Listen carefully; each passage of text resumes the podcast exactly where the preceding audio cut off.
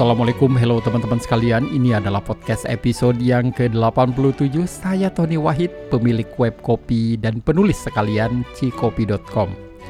Teman-teman sekalian, tahun 2013 dan 2015 saya mengadakan kegiatan Barista Bootcamp. Ini adalah sebuah event yang salah satu tujuannya untuk mengajak para barista naik gunung ke kebun kopi.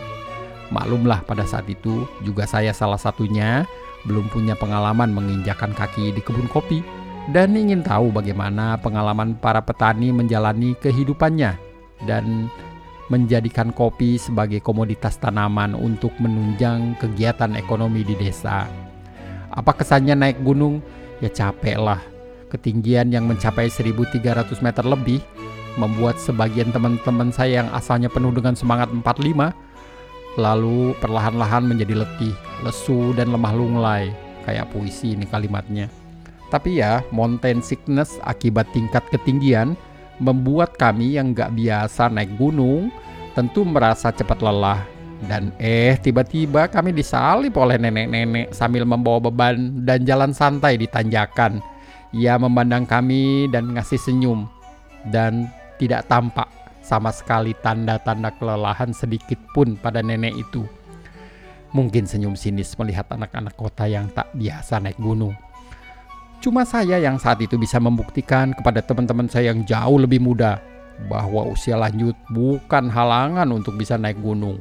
Apalagi saya dengan menggunakan Honda Beat milik petani yang sudah dimodif sehingga saya bisa dadah-dadah menyusul mereka. Dan sebagian dari mereka menatap dengan mata penuh kebencian. Hmm, saya nggak akan lupa hal itu. nah, kembali lagi. Lokasi kegiatan Barista Bootcamp yang kedua pada saat itu adalah di Gunung Tilu, sebuah kebun kopi di kawasan Pangalengan, sebuah tempat di Bandung Selatan, satu setengah jaman lah kalau dari Bandung. Pemilik kebun kopinya adalah Bapak Muhammad Aleh. Beliau dulunya bukan petani kopi, namun setelah di PHK pada saat tahun 98 pada saat kita lagi kesusahan banget Indonesia pada saat itu, ia mengubah profesinya menjadi petani kopi. Tentunya banyak sekali tantangan yang mesti dihadapi oleh Pak Aleh pada saat ia memulai profesinya sebagai petani kopi. Namun, pelan-pelan ia kini menjadi salah satu contoh kisah sukses petani kopi di Pangalengan. Satu lagi nih, Pak Aleh juga sudah menginjakan kaki di Istana Presiden saat kopinya dipilih menjadi sajian salah satu event di sana. Hal yang sangat membanggakan tentunya buat Pak Aleh. Jadi podcast kali ini akan menampilkan Muhammad Aleh dalam sebuah bincang-bincang santai saja dengan sosok petani yang bukan saja ahli mengolah tanaman kopi, tapi ia juga punya sebuah coffee shop kekinian. Bayangkan, petani punya coffee shop kekinian dan itu dilakukan jauh sebelum coffee shop coffee shop itu banyak bermunculan di kota-kota dan mungkin sekitar lima tahunan yang lalu. Inilah dia podcast episode yang ke-87 dengan Muhammad Aleh.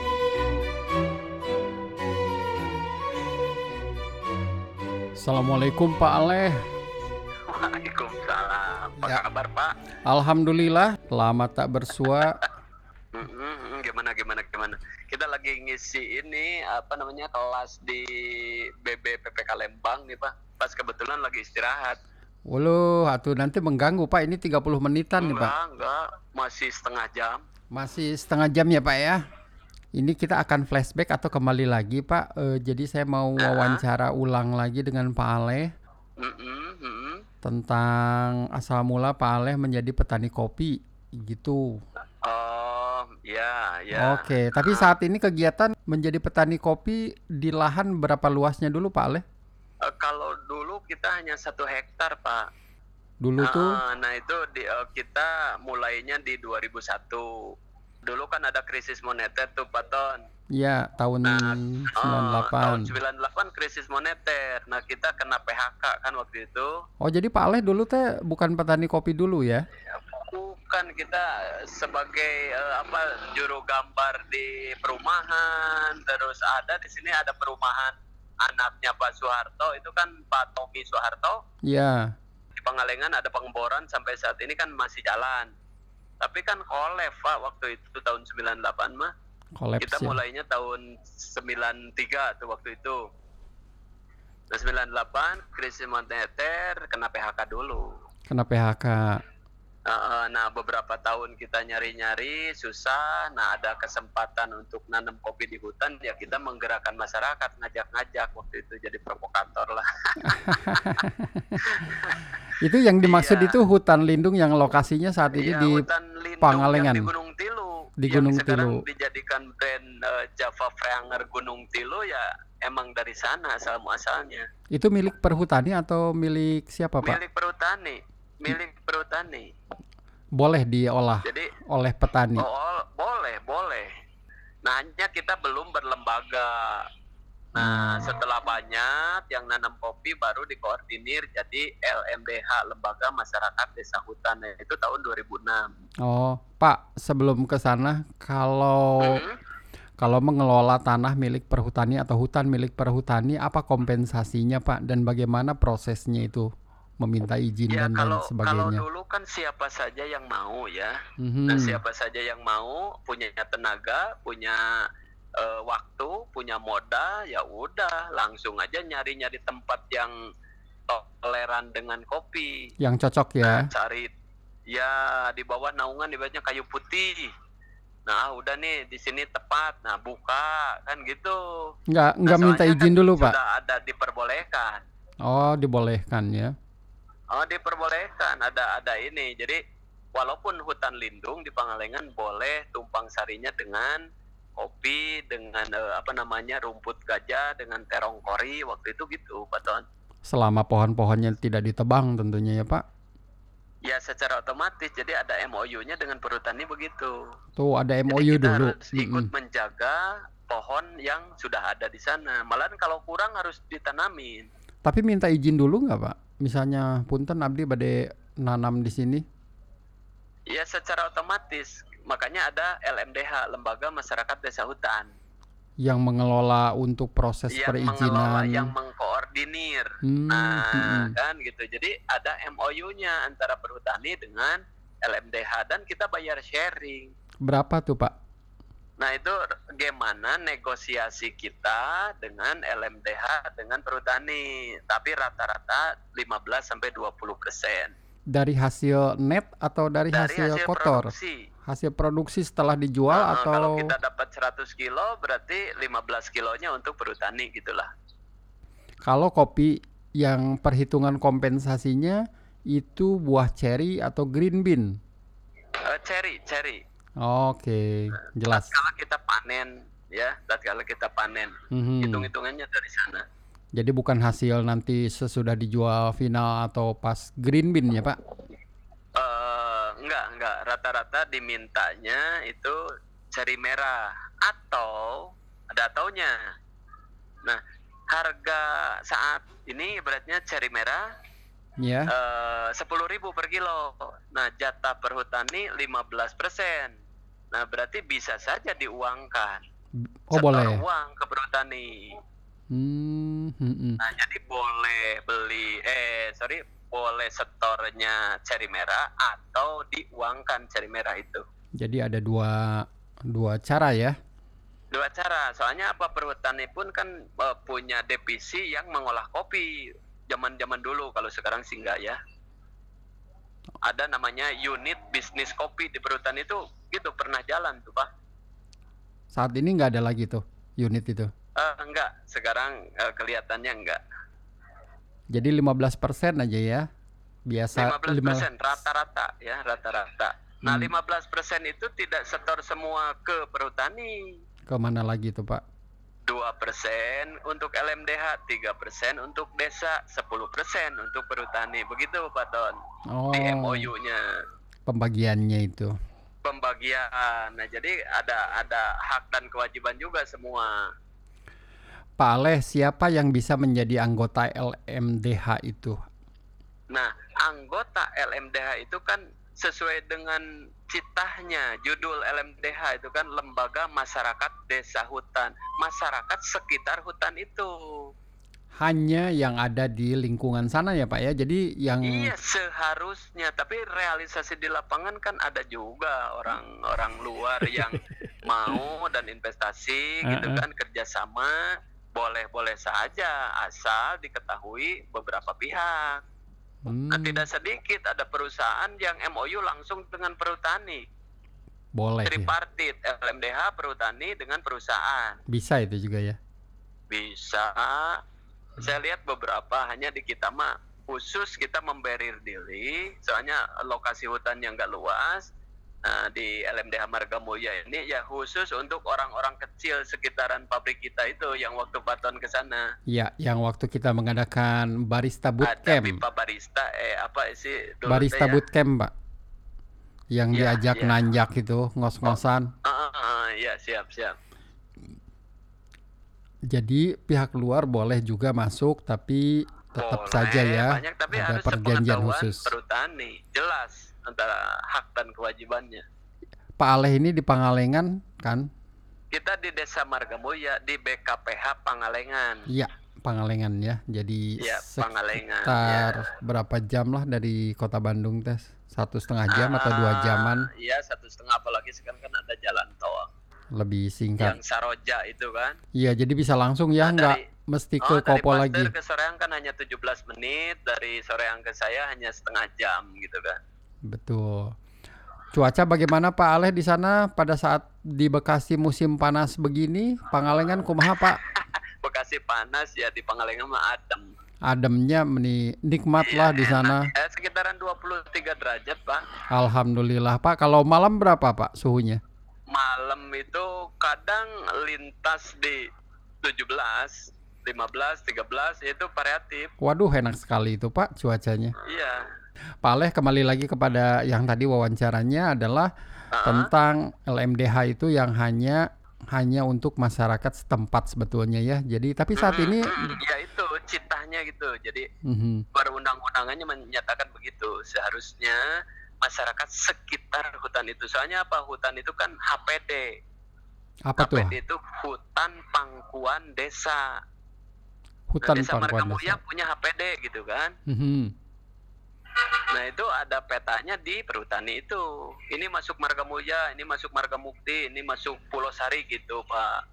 Pak Aleh ya. Dan kemudian setelah Pak Aleh di PHK kemudian menjadi petani kopi awal mulanya nah kumaha Pak Aleh coba diceritakan itu suka dukanya membuka Ya, lahan. Awal-awal sih kita belajar nanam aja dengan tanpa ilmu pengetahuan perkopian. Nah tapi dengan eh, seiring waktu kita nyari-nyari ilmu dan sebagainya kan gitu. Harga harga kopi juga tatkala kita sudah panen eh, kopi kecil-kecilan itu tahun 2003 Mm-mm. Nah, kita mengalami seribu perak dulu cari merah. Kalau dibandingkan dengan saat ini berapa Kalau harganya? sekarang sudah sepuluh ribu, 10 kali lipat. sepuluh kali lipat sudah berjalan berarti ya kurang lebih 18 tahun saya di kopi kan gitu Pak Ton. Nah itu Iya. kalau bikin eh, grafik naik terus. Eh Pak Aleh, sekedap nih. Ya. Itu pertama kali membuka lahan atau menyiapkan lahan. Gimana tas susahnya Pak Aleh? Ya kita mah langsung eh, langsung cari-cari eh, benih kopinya. Mhm. Nah setelah itu kita langsung terjun ke lapangan aja buka lahan. Eh, beli pupuk organik lah, beli apa gitu kan, Eh, nyuruh orang untuk eh, apa namanya bikin lubang tanam dan sebagainya. Setelah itu kita pelihara aja. Dan luasnya waktu itu satu hektar Pak. Luasnya ya hanya sedikit saja sesuai dengan kemampuan masing-masing. Ada yang satu hektar, satu setengah gitu kan. Iya. Ada juga yang setengah hektar. Yang Pak Aleh berapa luasnya waktu itu Pak? Kita baru satu hektar dulu awal-awalnya, yang deket-deket rumah dulu kan gitu. Mhm. yang terjangkau biar ya apa namanya pemantauannya eh, mudah gitu. Lebih enak ya Pak ya. Dan itu bibit Iya. dari mana Pak asalnya Pak? Bibit Ya kopinya. bibitnya beli sendiri. Di mana Pak beli bibit kopi? Ya di Pangalengan kan sudah ada. Namanya apa itu? Eh, apakah yang udah Nah, yang- disertifikasi atau Yang kumaha tah? eh, yang itu yang apa namanya dari Aceh Tengah itu yang kopi Ateng. Kopi Ateng ya? Ya awal itu ya, yang Kartika. Ya. Nah kalau kalau kalau sekarang sih udah ada Lini Es, ada Sigara Runtang, ada Kopi Buhun, yang tipika itu. Nah itu sudah banyak sih varietas baru sekarang mah.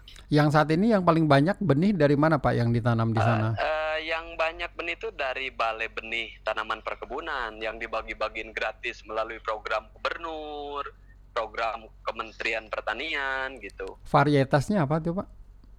Varietasnya itu banyaknya sigara runtang Dan itu cocok Pak dengan LS 795 ya. cocok untuk ditanam di sana. Cocok, cocok di Jawa Barat. Yang jelas lebih dari 1000 meter ke atas. Dan satu hektar itu berapa banyak benih yang bisa ditanam Pak? Kita bisa nanam 2000. Nah, Pohon. kalau di hutan itu kadang-kadang 1700. Nah, yang banyak naungannya, yang padat naungannya itu kadang 1600. Oke Pak, boleh Nah, kalau diceritakan kita kan sekarang eh, lagi gencar-gencarnya tanah milik dijadikan hutan. maksudnya itu tanah milik dijadikan hutan? Tanah milik pribadi yang Mhm. sertifikat hak milik. Mhm. Nah, kita jadiin hutan gitu. Hanya kopi, kayu, kopi, kayu, kopi, kayu gitu. Nah, Oh. makanya kita dapat reward itu kan gitu tahun 9 eh, tahun 2008 itu kan gitu. Hmm. Pak, Orang lain hanya di, di hutan saja kita sudah bergerak ke tanah milik, tanah milik nanam kopinya. Ya. di tanah milik sendiri. Pak. Aleh, ini saya mencoba membayangkan orang kota yang ingin menjadi petani kopi. Jadi tolong dijelaskan Mhm. lagi tuh Pak.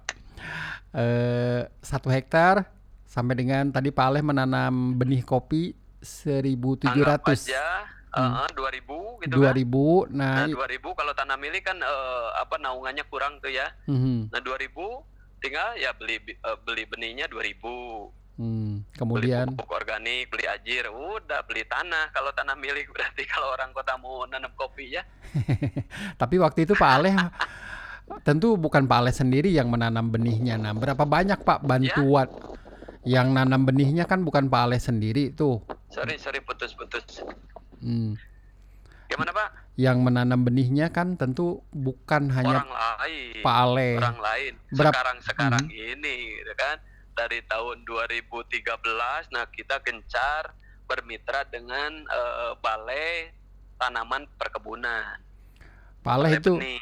Aleh berapa Ya. lama menanam benih seluas satu hektar yang 2000 benih itu Pak? Mhm. Waktunya berapa lama tuh menanamin benih untuk seluas satu hektar itu?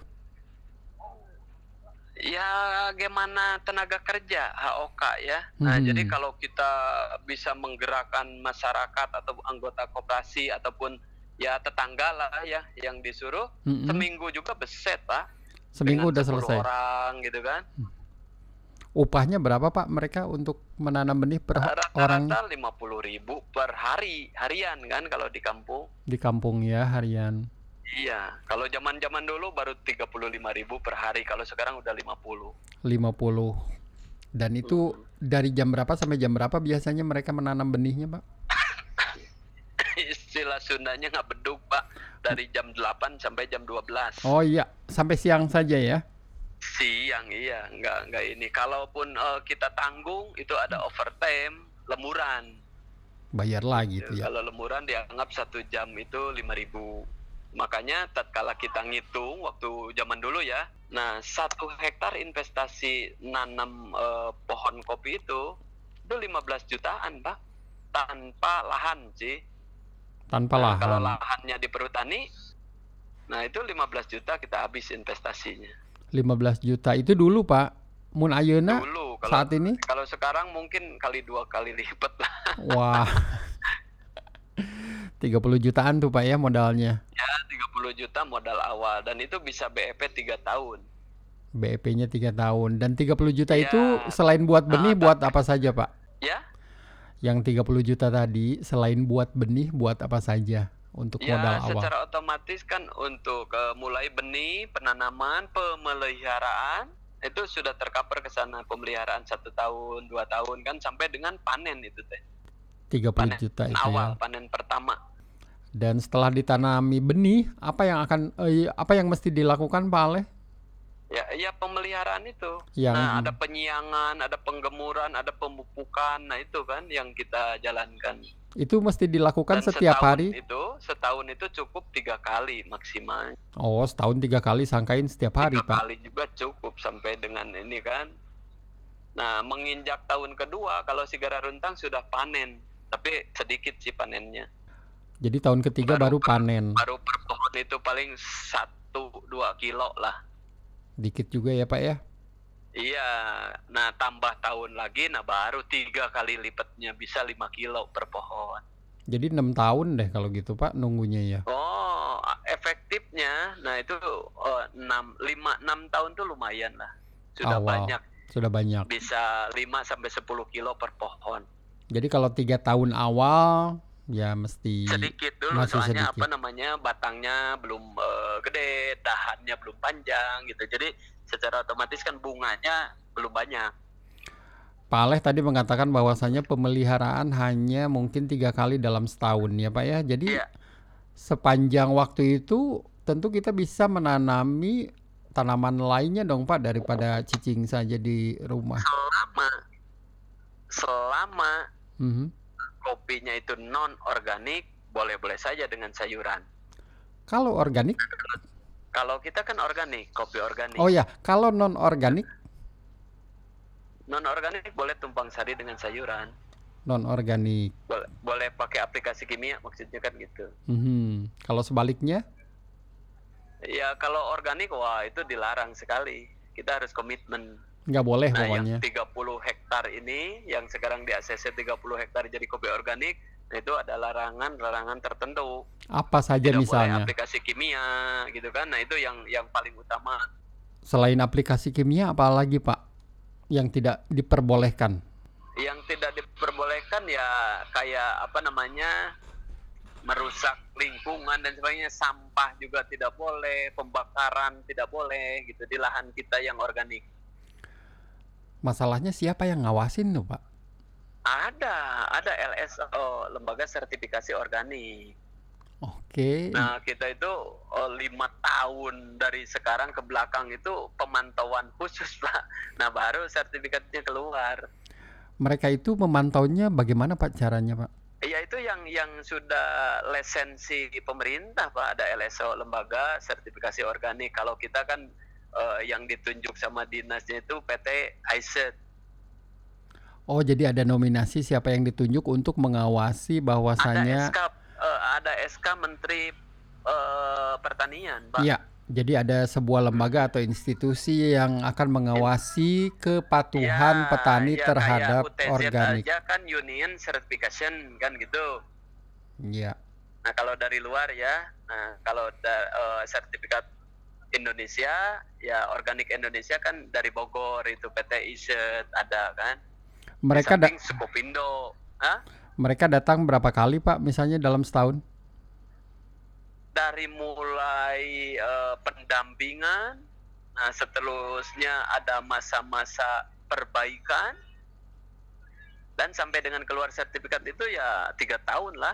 Lama juga tuh hampir Pak. tiap wah lama pak banyak aturan-aturan yang harus ditepati sama petani nah kalau tidak tepat ya di di delete petaninya Jadi bukan nah, kayak organik kita lagi. ngusulin dari 150 hektar yang kita usul 30 hektar yang di ACC mah Wah sisanya nggak lulus. Sisanya bukan nggak lulus ya itu yang eh, apa namanya kalau mau jadi kopi organik harus kayak yang udah organik semuanya gitu. Bukan artinya hanya dibilangin eh, kopi organik gitu. Dengan tata caranya perlakuan perlakuannya gitu. Jadi mereka mesti memperbaiki beberapa hal yang belum dipenuhi ya Pak. Heeh, ya kayak kayak kan gini nggak bisa dipaksakan kalau lahan kopi kita di pinggir-pinggirnya. Ada tomat kan nggak bisa? Oh nggak bisa ya Pak ya? Eh, nggak bisa. Harus clear kan gitu. Nah nanti ke depannya harus ada barrier lah harus ada eh, ini. Kalau pemupukan organik bagaimana dong Pak caranya? ada kita bikin. Makanya ada peternakan domba sapi dan sebagainya di kita kan di belakang pabrik itu. Oke dan bikin pupuk organik sendiri itu untuk eh, apa namanya untuk supaya gembur subur daun dan sebagainya kita bikin dari eh, apa namanya eh, dari pohon pisang gitu kan? Pokoknya mah tidak boleh menggunakan zat Tidak kimia boleh. apa pun. boleh sih boleh. Pakai pakai cairan tapi harus berlogo organik. Ribet gitu juga. kan nah di di kita kan banyak yang bilang pupuk cair organik.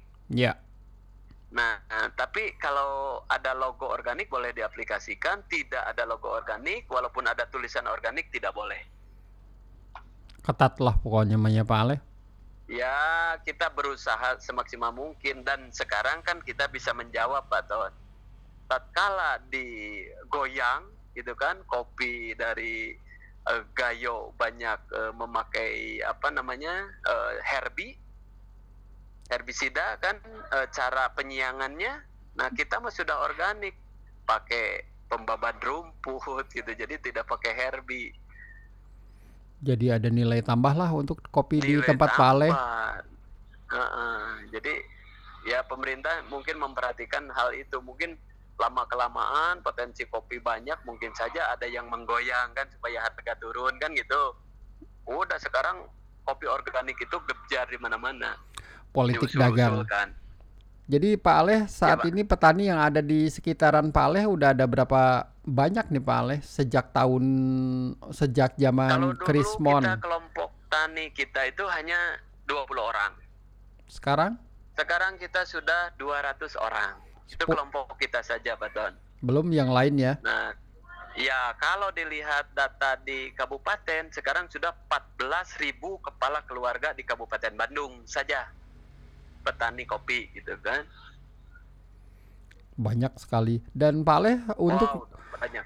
untuk ya? luas kopi di daerah Pangalengan ada berapa hektar totalnya Pak Leh saat ini? Ya, kalau Pangalengan kalau nggak salah ya kalau nggak salah iya. datanya ya. yang kita saja kan 250 hektar. Ya. Nah itu uh, lebih dari 9.000 kayaknya kalau dengan uh, eh, PTPN. Luas sekali loh Pak ya? Luas jadi ya terbanyak di Kabupaten Bandung emang awalnya kan pergerakan perkopian Jawa Barat dari dari Kabupaten Bandung dan salah satunya dimulai Sebelum, oleh Pak Aleh Iya, salah satunya di kita juga kan, iya. kan Pak SBY panen raya kopi di Gunung Tilu Pak dulu tahun 2007. Di sana ya Pak ya? Iya, iya.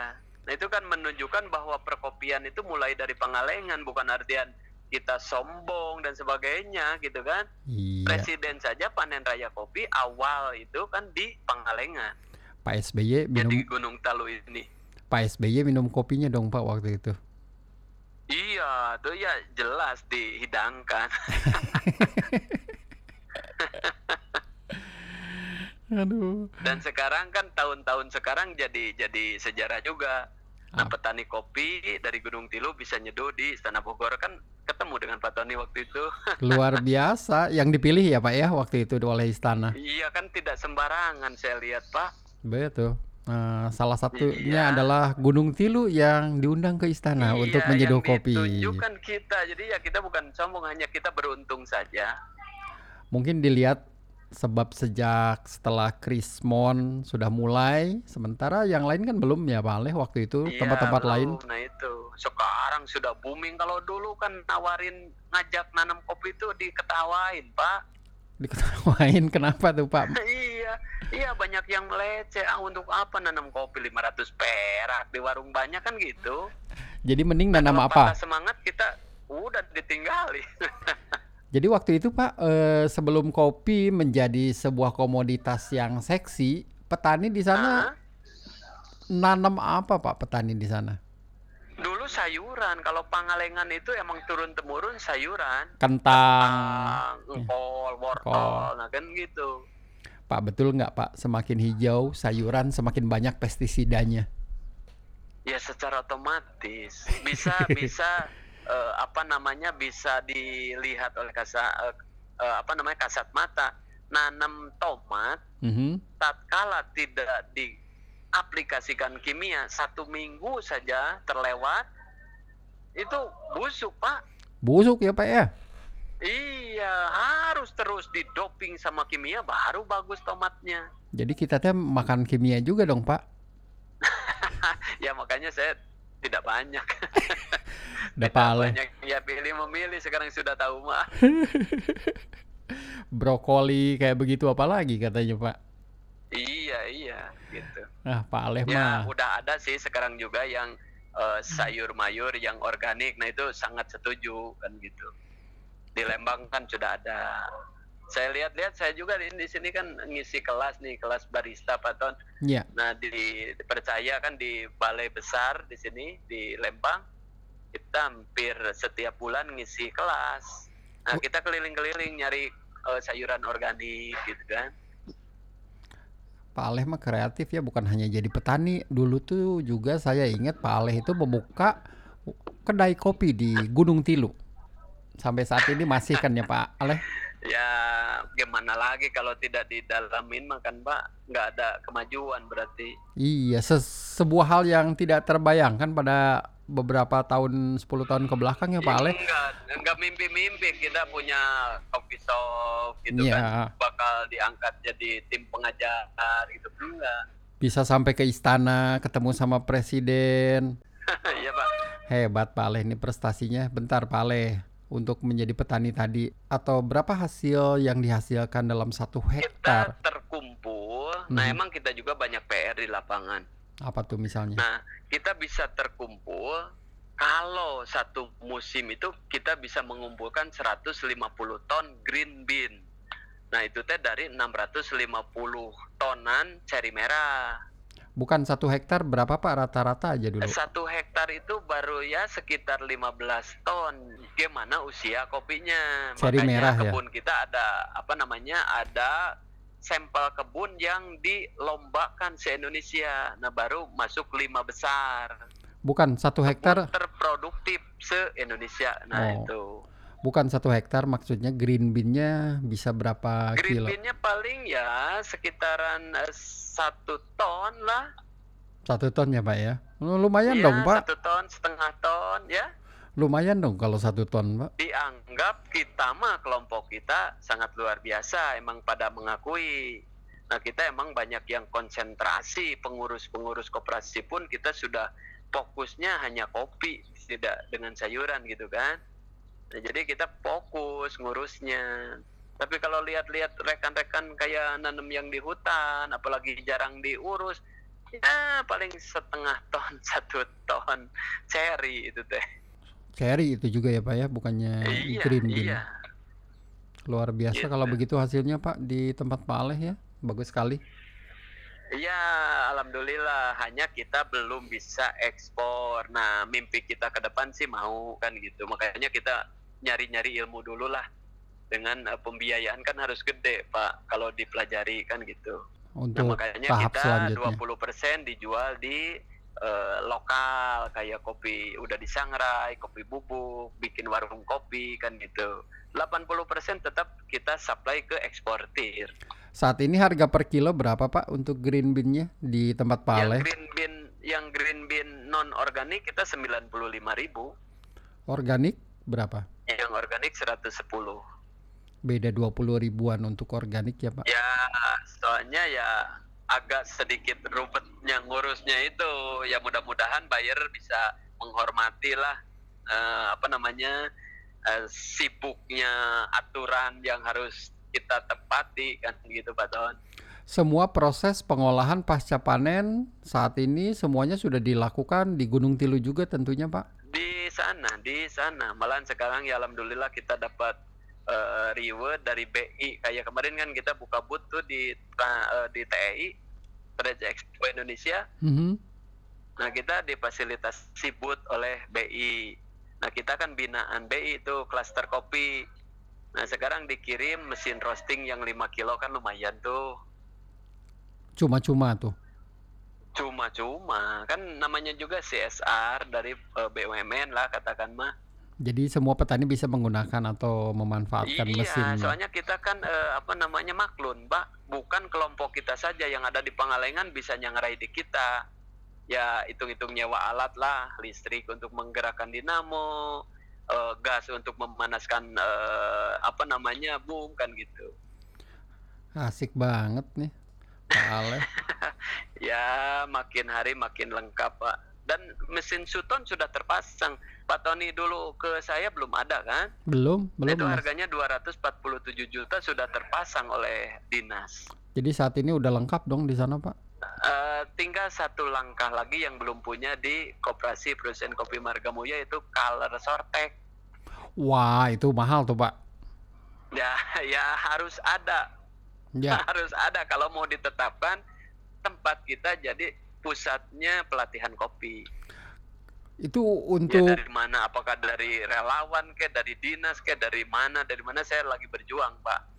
ya color sortek itu adalah salah satu mesin untuk memilah warna supaya nanti konsistennya seragam semuanya. Itu mahal itu Betul, mesinnya. betul. Dan itu emang sangat dibutuhkan juga.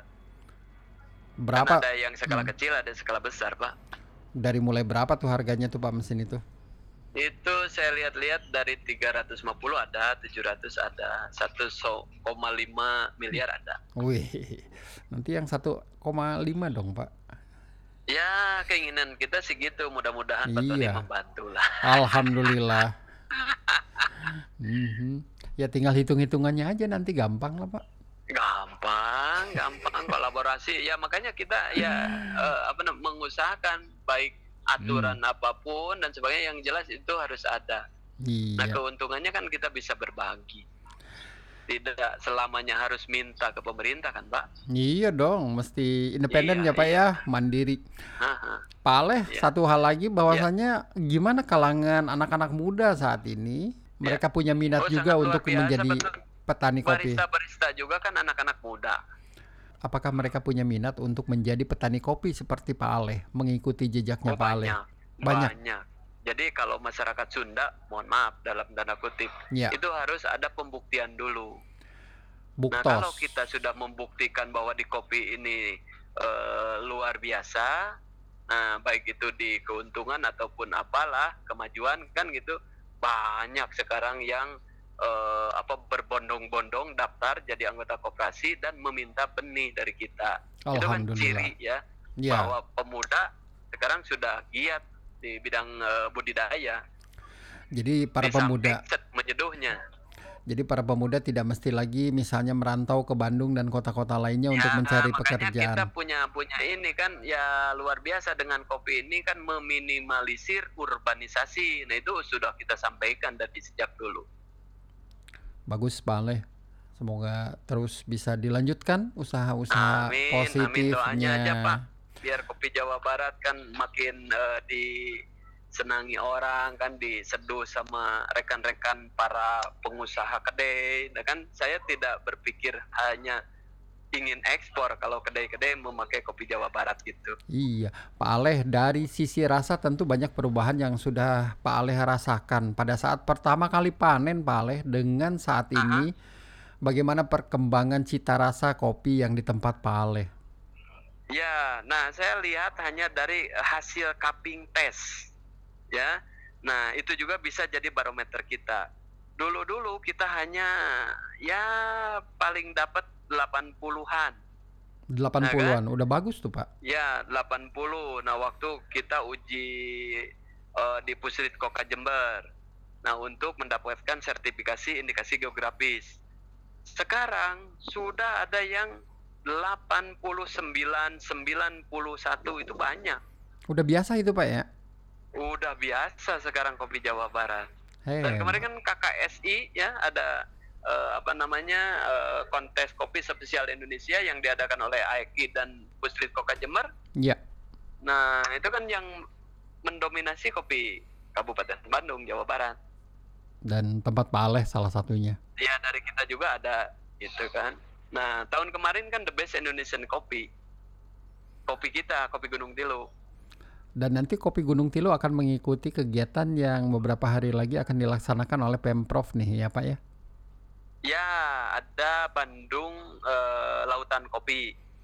Tanggal 25 sampai 27 atau tanggal berapa itu ya? Eh, ada tanggal 1, tanggal 2, tanggal 3 kalau nggak salah. Oke. Nah, kita juga belum belum ada info lagi nih. Dan Tapi ke- kita siap Hmm. ngisi booth soalnya sudah eh, apa kita punya jatah gitulah. dan itu kegiatan akan dilaksanakan di Gedung Sate nanti di Kota Bandung. Ya, ya. Dan sekarang luar biasa Pak Ridwan Kamil selaku gubernur juga waduh luar biasa membantu kita-kita mempromosikan kopi. Alhamdulillah kalau begitu. Ngomong-ngomong ini harga tanah di sana berapa, Pak? Lumayan setelah ada pabrik di eh, apa namanya di sekitaran pabrik kita juga jadi meningkat. Mintanya 10 juta per tumbak. Kalau dulu hanya 3 juta. Tiga kali lipat.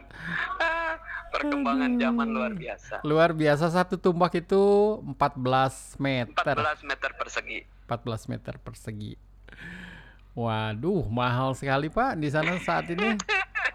Soalnya sudah hitung-hitungan kalau ditanamin kopi sekian bisa BEP-nya berapa tahun itu Pak sekarang. Betul. Jadi sudah perhitungannya Iya, udah kalau kita jauh. menghasilkan anggap saja 20 ton satu hektar Iya. kali 10 ribu kalau tidak diolah dulu ya kali Mm-mm. 10 ribu itu kan 200 juta Hmm. gitu kan satu hektar berarti 2 miliar hanya beberapa tahun bisa kembali kan dari kopi gitu pak Betul. Alhamdulillah Pak Ale rezekinya bagus dengan teman-teman di sana. Amin. Siap siap makasih banyak Pak Ton saya juga harus ngisi acara lagi nih mohon maaf Terima Bukan kasih Pak Ale.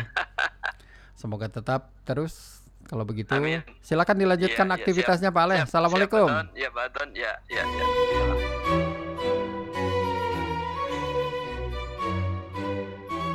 Teman-teman sekalian, demikian tadi podcast episode yang ke-87 dengan Bapak Muhammad Aleh, petani kopi dari Gunung Tilu, Pangalengan. Selanjutnya, jangan lupa untuk selalu menantikan episode-episode podcast cikopi.com, baik di iTunes maupun Spotify. Tony Wahid pamit dan salam.